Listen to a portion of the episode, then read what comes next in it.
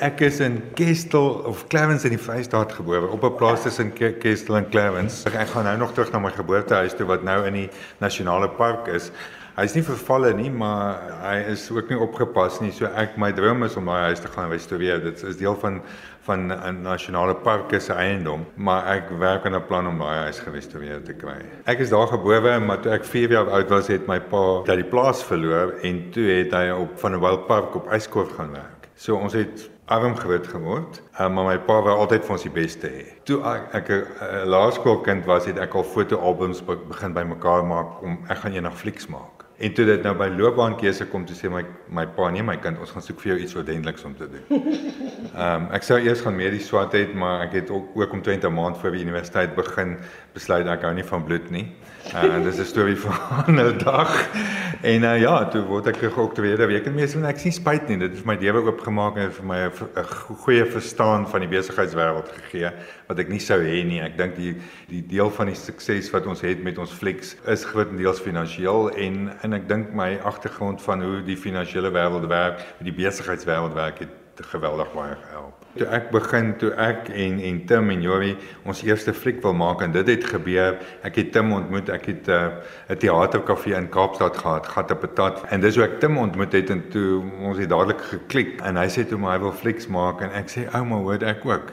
En dis hoe klein Karoo gebore is en ons Jorie het bygekom, ons het hom ingetrek want hy is die enigste ou met wat tegniese kennis gehad het en ek het toe vir hulle gesê ouens kom ons gaan gaan drink koffie by al wat hulle maak is. Ons bel hulle skaamteloos en ons gaan steek by hulle kers op. En weet jy almal het so gehelp, maar nie een het ek toe gevoel verstaan dat ek moet eers weet wat 'n fliek se begroting, ek moet eers weet wat hy kan maak by die loket voor ek kan besluit wat is die begroting. As ons nie dringend befondsing kry nie, kan ons dalk die sentrum verloor. Dude, it's perfect. I mean, this is what the documentary is about. Ek weet presies wat agter hierdie mooi swart gesiggie vir jou aangaan. Ja. Kom gaan sokker speel.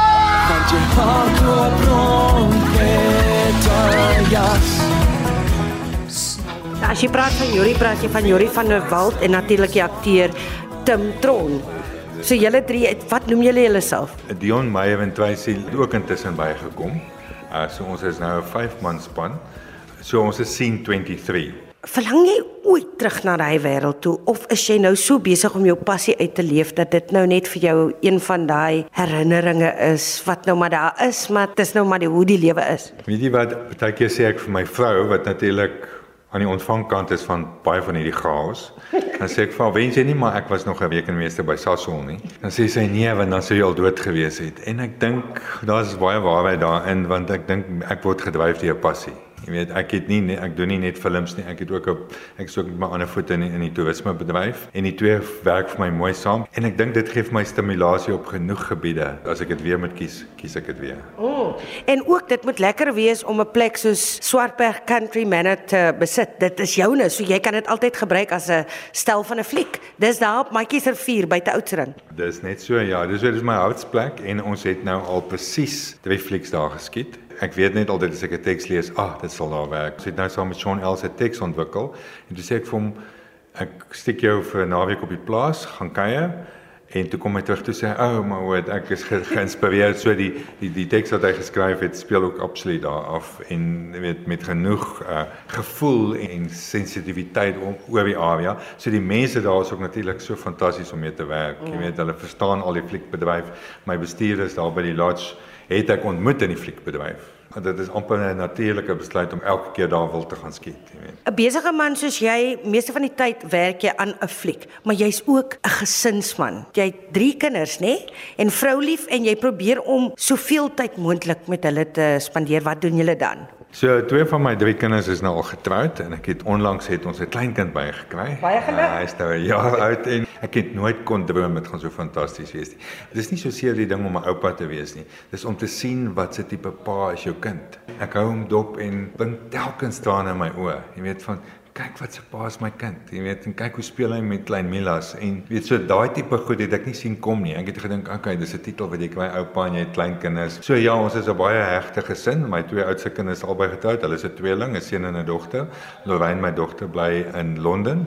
So ons gaan binnekort vir 'n kuier. En dan my jongste is nou net klaar bedryfsingenieurs besig gedoen op Stellenbosch. Hy gaan ook bietjie net sy vlerke spy in in in die wêreld sien. So dis elke keer my kinders het dit almal gedoen, is elke keer vir ons verskriklik moeilik as hulle oor see is. En ons gaan kuier gewoonlik as hulle vir 6 maande daar is, gaan kuier ons gewoonlik. Want ons kan nie so lank sonder mekaar nie. Uh, maar ek voel dis nodig vir die kinders. Ek het dit nooit as kind self gehad nie. Ek dink net daai wys, daar's niks wat jou so ekoop as as as om te kan wys nie, as om ander kulture te kan verstaan en as ander tale te hoor ensovoorts nie. Hierdie Kersfees gaan die eerste ene wees wat twee van my kinders nie in die land is nie. Man, maar wat leer jy vir hulle? Hoe kan oor drome uitleef omdat jy self jou passie gevolg het? Wel deur die genade is my kinders so suksesvol in hulle eie weg. Jy weet, al twee van hulle wat al werk, uh, Christian my my oudste seun het 'n besigheid Jobjack uh, wat hulle is die Airbnb van werkverskaffing aan ongeskoolde en semi-geskoolde werkers in hierdie land en hulle doen ongelooflike werk. Hy het ook 'n gok tweede week in meester geword en hy het nooit corporate gaan werk nie. Hy het dadelik hierdie besigheid begin. Hulle het letterlik al duisende mense in werke gesit wat andersins nie werke sou gehad het nie. Ek dink die grootste ding wat ek hulle altyd leer is maak 'n verskil. Jy weet, as jy nie 'n verskil kan maak nie, dan gaan jy waarskynlik 'n bietjie doelloos voel. Ek weet nie ek probeer altyd 'n verskil maak. Weet as ek iets doen, wat 'n verskil gaan dit maak? En mense het tog vir my gesê, "Maar het jy nie nou genoeg geld nie?" Nee, ek ek doen dit nie vir geld nie. Ek het waarskynlik nie genoeg nie, maar dis nie eers waaroor dit gaan nie. Ek is nie daar om te kyk hoeveel geld ek bymekaar kan maak. Ek is daar om te kyk wat se verskil ek kan maak. Hoe ek 'n legacy kan los wat mense se lewe kan verander. Jy weet en ek is so dit so voorreg om Christian dit ook te sien uitleef. Ah, ek dink vir ouers is daar geen groot voorreg nie. En dan, jy het so 'n ligte beheptheid, ligte obsessie met karre, maar dit moet vintage wees, antieke modelle. Van waar daai liefde? Ag sê asseblief vir my vrou, dis net 'n ligte obsessie. ek het was altyd 'n petrolkop. Toe ek 'n klein seentjie was, het ek ek en my pa altyd die spelletjie gespeel as ons ry dan moet ek die karre wat van voor af kom se name sê. Later het dit nie net die name nie, ook die modelle. Jy weet ek sou sê dis 'n Datsun GLX, jy weet of wat ook al die geval was.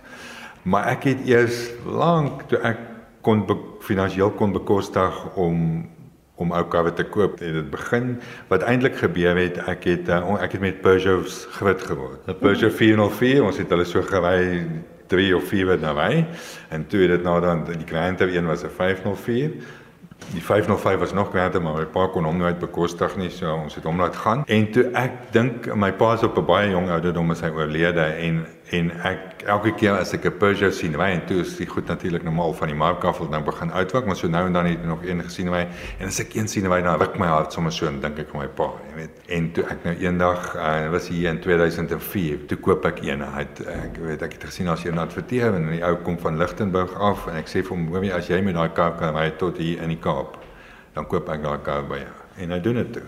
Kom toe aan hy hy ry toe nogal tot in Franshoek, die bakermat van alles wat Frans is. Hy kry hom in Franshoek en gee hom die 10000 rand wat hy wat hy wou hê vir die kar en daar ry ek toe nou met my 404 weg. En toe ek 50 word, toe verwyl my vrou haar Mini Cooper wat ek vir haar gekoop het toe sy 40 geword het. Toe verwyl sy dit vir 'n Citroen Palace wat is nou daai ou Citroen wat so kan oplig. Ja. Skilpad. Skilpad. En daai het ek dink daai het alles begin. Toe het ek nou 2 en ek spot altyd en sê ek ek dink elke keer as ek na my pa verlang dan koop ek 'n Peugeot. So ek het nou al 10 Peugeots. En uh, en 'n paar ander goedes ook en dis vir my die nostalgie daaraan en om te voetel die before and after want dis wat my maak tik. Jy weet jy koop hierdie kar en hy lyk like maar so so so en uh, en jy gee 'n bietjie liefde en aandag voor jy sien dan lyk like dit of hy nou net net nie uit die vertoonkamer kom.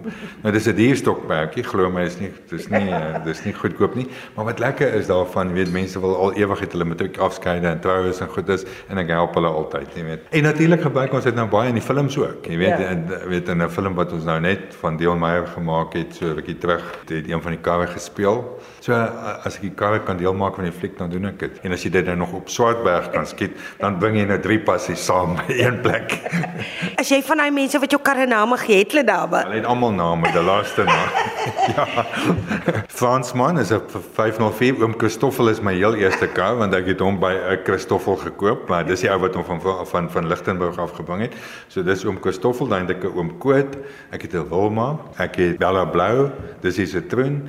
Ek het Peggy, dis 'n 504 coupe, maar baie van hulle koop jy met 'n naam. Jy weet, O, okay. daai spesifieke een het ek in Bloemfontein gekoop en die eienaar het gesê, "Mag die kar se naam Peggy bly." Want dan mense hart gaan so 'n stukkie saam met 'n kar as jy hom nou opgebou het veral. En onthou as jy nou eers vir 'n kar 'n naam gegee het, dan kan jy hom nie weer laat gaan nie. Nooit. Jy weet, ek, ek het 'n Duke wat ek vir my vir Christian gekoop het toe hy matriek was. Ons koop hier die ou chefs wat baie swaar is op brandstof. Jy kan hom nie volmaak as hy die engine loop nie, want hy gaan nooit volkom nie. Maar hy noem toe die kar Duke. So ek het nog vir Duke want intussen het hy aanbeweeg. So die karre het name en jy het, en elkeen het 'n persoonlikheid. 'n Peugeot, hoe klink hy? Ek ken 'n Peugeot engine vir alle 404 en 'n 504 kyk is presies dieselfde engine ken ek op 'n myl. Ek kan 50 karre aansit in my blinddoek en ek sal weet wat dit is 'n is 'n 404. Maar daai karre het 'n baie baie baie spesifieke klank verseker.